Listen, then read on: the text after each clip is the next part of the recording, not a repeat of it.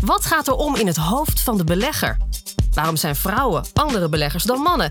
En moet je je gevoel uitschakelen als het om beleggen gaat?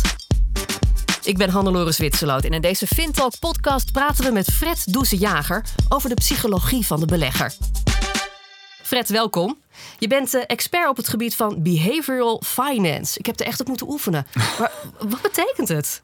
Nou, dat is eigenlijk een gebied waar drie pijlers samenkomen. En dat is de, de psychologie, de sociologie en het investeren. Wat ze ook wel financieren noemen.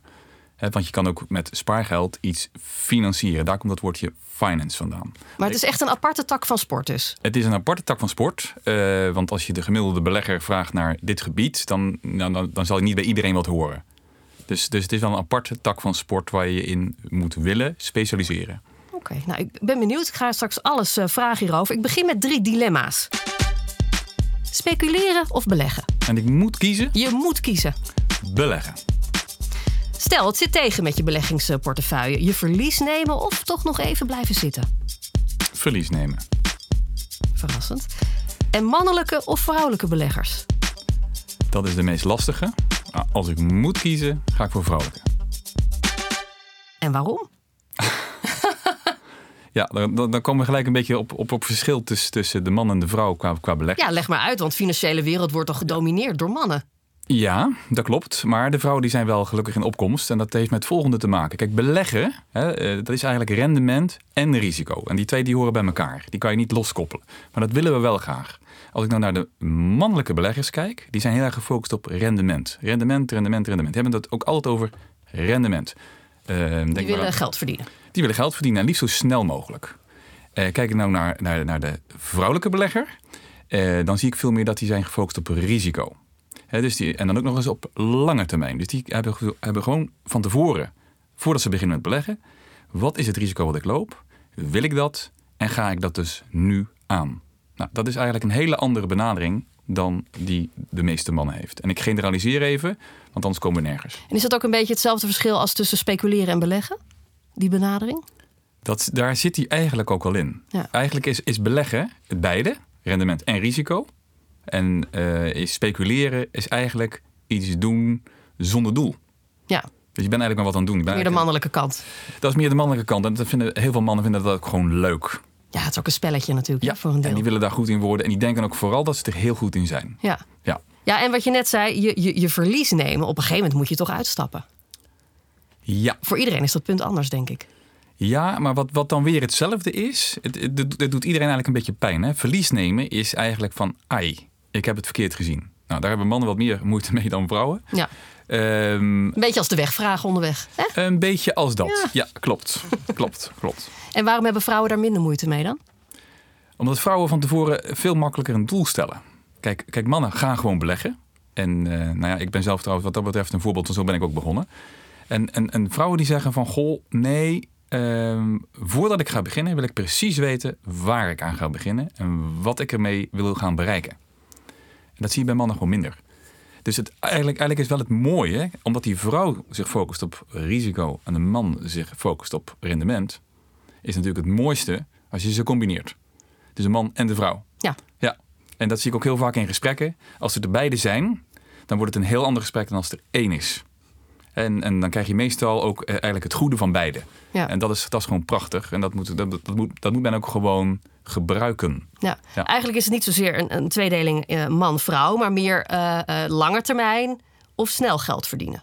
Ja, met name. Toch? Klopt. Klopt. Ja. En opletten dat je dit soort dingen ook gewoon weet van jezelf. En waarom is dat belangrijk? Als je het niet weet, nou, dan, dan, dan, dan kan je er ook niet iets. Dan heb je er niks aan, dan kan je er dan kan je niet van leren, want je weet het niet. Dus dan blijf je dat eigenlijk maar doen. Heb jij dit zelf altijd geweten? Nee, absoluut niet. Nee, nee, nee. nee, nee, Door schade en schande wijs, vertel. Um, ja, door een. Uh, ja, ik, ik heb wel een flink leermoment gehad. Um, altijd gespaard, gespaard, gespaard, gespaard. Dan ga je op een gegeven moment het huis uit met, met, met spaargeld. En uh, ja, toen zag ik opeens opties. En uh, dacht ik van, goh, opties, dat is op zich wel leuk. Want dan kan je lekker snel geld mee verdienen. En dat ging ook hele tijden gewoon heel erg goed. En dan, dan verdien je ook gewoon hartstikke leuk. Dus dan denk je op een gegeven moment van, wauw, ik snap het spelletje. En dat is, dat, dat is trouwens ook bewust een, een woord hoor. Dat ging ook echt zo'n Ja. spelletje, hè, want je bent niet aan het beleggen. Ik snap het spelletje. Ik kan gaan rijk worden en ik kan het op deze manier gaan doen. En niemand hoeft mij meer, meer iets te vertellen. Ik weet het. Ik heb kunstje bedacht. Nou, dat gaat heel erg lang goed. En op een gegeven moment gaat het fout. Ja, en toen was ik ook echt al mijn spaargeld kwijt. Ook al mijn rendementen. Maar ook mijn spaargeld was het gewoon weer nul. En dat was een heel erg flink leermoment voor mij. Want ik had eigenlijk mijn hele leven gespaard. En dat was in één keer weg. Nou, dat was eigenlijk voor mij de intrede in de behavioral finance wereld. Dus ik ben me erin gaan verdiepen in de psychologie, in de sociologie, in investeringsvraagstukken. En toen kwam ik opeens kwam ik ook bij het begrip behavioral finance. Tot, tot op, op dat moment nog nooit van gehoord. En dan ga je lezen. En dan ga je je verdiepen. En dan merk je opeens van, jeetje, ik heb gewoon steeds dezelfde investeringsfouten gemaakt. Maar kan je een voorbeeld geven dan van een fout? Wat was een foute keuze? Een foute keuze is dat ik echt totaal geen doel had. Ik wilde gewoon met mijn geld Nou, had. geld verdienen is ook een doel, toch? Ja, maar ook geen termijn erbij. Ook geen streefrendement erbij. Hè? Dus of, of ik nou eh, voor 4% ging, of voor 5, of voor 10, of voor 15. Gewoon helemaal geen streefrendement. Ehm, dus eigenlijk ben je maar wat aan het doen. En dat is denk ik de grootste bottleneck. Als je maar iets aan het doen bent, ja, dan kan je dus nooit eh, jezelf checken. Doe ik het nou goed? Want als je van tevoren zegt van, goh, ik wil een streefrendement bijvoorbeeld van 4% per jaar. Vind ik trouwens prachtig hoor, elk jaar 4%. Zeker in deze tijd. Ja, met de huidige spaarrentes. Ja, dan zou iedereen dat denk ik wel willen en daar graag voor tekenen. Ja. Tien jaar geleden, dan, als, als ik dit zei, Werd je uitgelachen? dan werd- werden we uitgelachen. Nu niet meer. Maar ehm, ja, als je dat weet, van goh, ik wil die vier maken. En je gaat beleggen. En je, komt op een gegeven moment, kom je niet op die vier. Dan kan je dus dingen gaan aanpassen. En, en anders niet. Anders ga je gewoon door. Je maakt op een gegeven moment zes. Dan denk je van, hé, hey, ik maak zes. Hoe komt dat nou? Waar komt dat door? Heb ik meer risico gelopen? Ehm, ja, heb ik eigenlijk wel gedaan. Wil ik dat dan eigenlijk? Nee, eigenlijk wilde ik dat niet. Nou, dan ga je op dat moment het weer bijsturen. Dus dat is het mooie. Als je iets weet en je hebt een doel, dan kan je dat doel tussentijds continu checken. En zo word je eigenlijk steeds een betere belegger. En eigenlijk horen er bij beleggen maar heel weinig regeltjes waar je aan mag houden. Waarom is het nou zo belangrijk dat je, dat je je bewust bent van die psychologie van het beleggen? Ja, omdat we eigenlijk systematisch, en dat is echt een heel raar iets, systematisch maken we eigenlijk continu dezelfde denk- en handelsfouten. Maar wat zijn die fouten dan? Heb je een lijstje? Eh, ik heb op zich wel een lijstje. Ik heb eh, eh, op zich ook wel een top drie. Kijk, wat we heel vaak zien als mensen winst hebben, dat ze die winst heel snel willen pakken. En denk, zonde, laat nou alsjeblieft die winst doorgaan. Verlies bijvoorbeeld, die laten we weer veel te lang zitten. Hè? Dus ik zie een verliespositie. Ehm, nou, laat maar zitten, want oh, nee, Fred, dat komt echt wel weer goed. Er komt wel weer een opleving en dan verkoop ik het. Dus dat zijn we aan het uitstellen. Dus dat is ook, ook een hele belangrijke.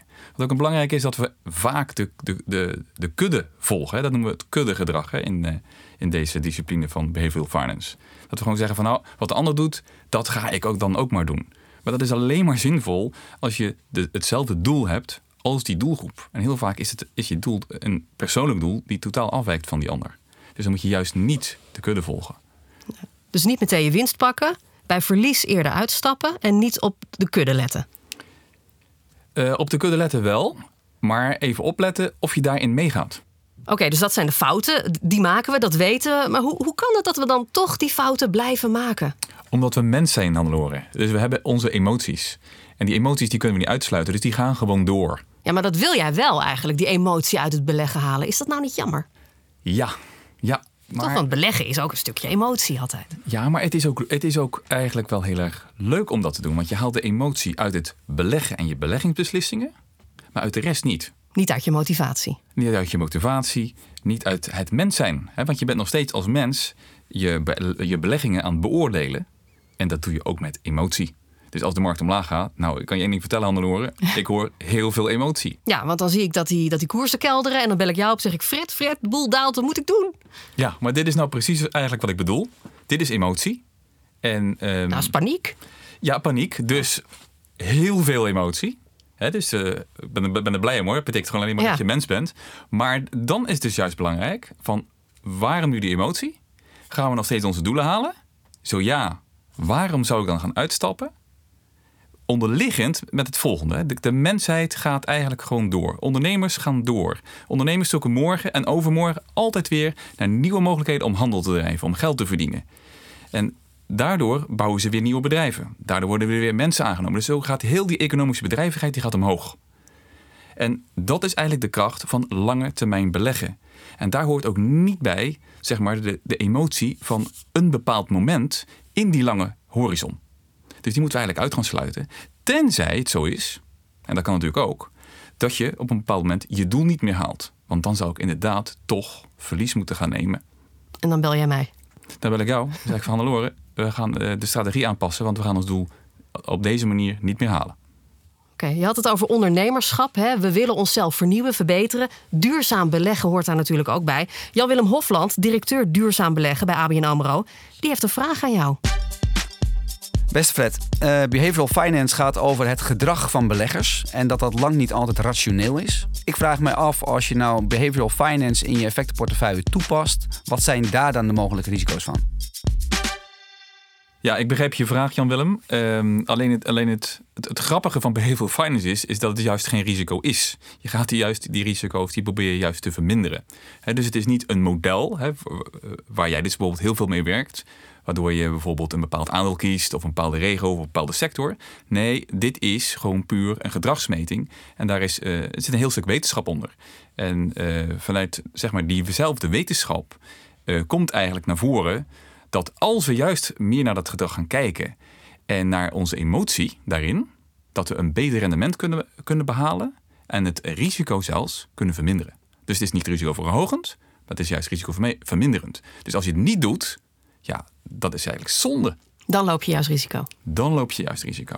Maar nu we het toch over dilemma's hebben, Andelore, zou ik jou graag een dilemma willen stellen. Oh, nou, kom Want, op. Uh, ja, uh, jij belegt volgens mij zelf, hè? Ja, een beetje, ja. Ja, een beetje, een beetje, een beetje. Ehm, eh, stel, je mag kiezen tussen, tussen twee bedrijven, A of B. Bedrijf A geeft jou 1000 euro. Bedrijf B geeft jou 50% kans op het dubbele, 2000 euro. Maar dus ook wel 50% kans op nul. Hmm. Welk bedrijf zou jij kiezen? Um, ah, doe mij oh. maar die 1000 euro. Oké, nou houden we die even vast. Nu draai hem om. Um, nu ontvang jij niets, maar nu ga jij betalen.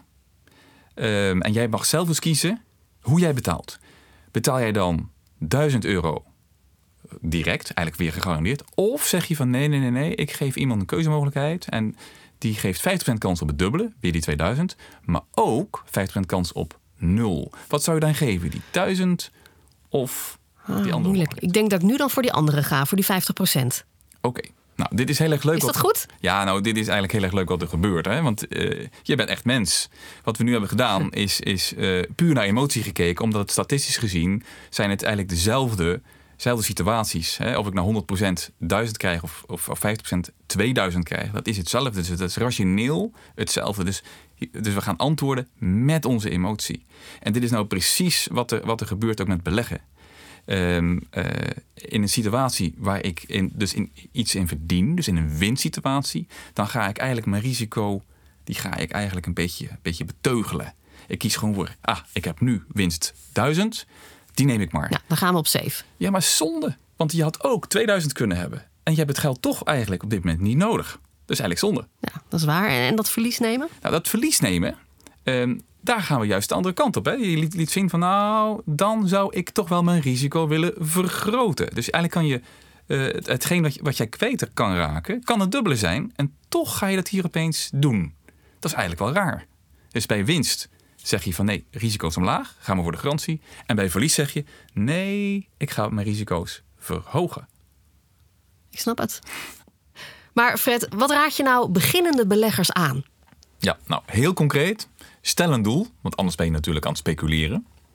Weet dat wat alle vrienden om je heen doen, ja, voor jou waarschijnlijk niet het beste is. Dus blijf bij je eigen doel, bij je termijn, bij je risicobereidheid.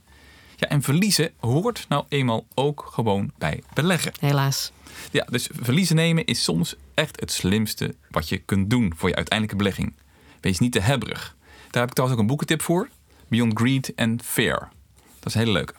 Dan heb ik nog één. Keep it simple. Als je het niet begrijpt, wat het ook is, doe het niet. En misschien wel de gouden tip. We kennen allemaal triple A, die kennen we. Maar triple G weet eigenlijk niemand. Nooit van gehoord. En die voor beleggen, zeer belangrijk. Die triple G staat voor geduld, geduld en geduld. Ja, maar geduld klinkt wel een beetje saai, Fred. Ja, klinkt saai. Maar dan ga je toch met een klein gedeelte van je vermogen wel even de andere kant op. Dus ga je dan toch wel mee speculeren. En misschien dat je daar dan ook wel weer heel veel van gaat leren. Want dat was bij mij uiteindelijk ook zo. Oké, dus spelen met een paar knikkers en de rest gewoon veilig wegzetten. Ja, inderdaad. Dankjewel. Graag gedaan, Hannelore. Je luisterde naar de FinTalk podcast van ABN AMRO Mees Pierson over de psychologie van de belegger. Wil je meer weten of een, een andere aflevering beluisteren? Ga dan naar abnamro slash fintalks of naar je favoriete podcastplatform.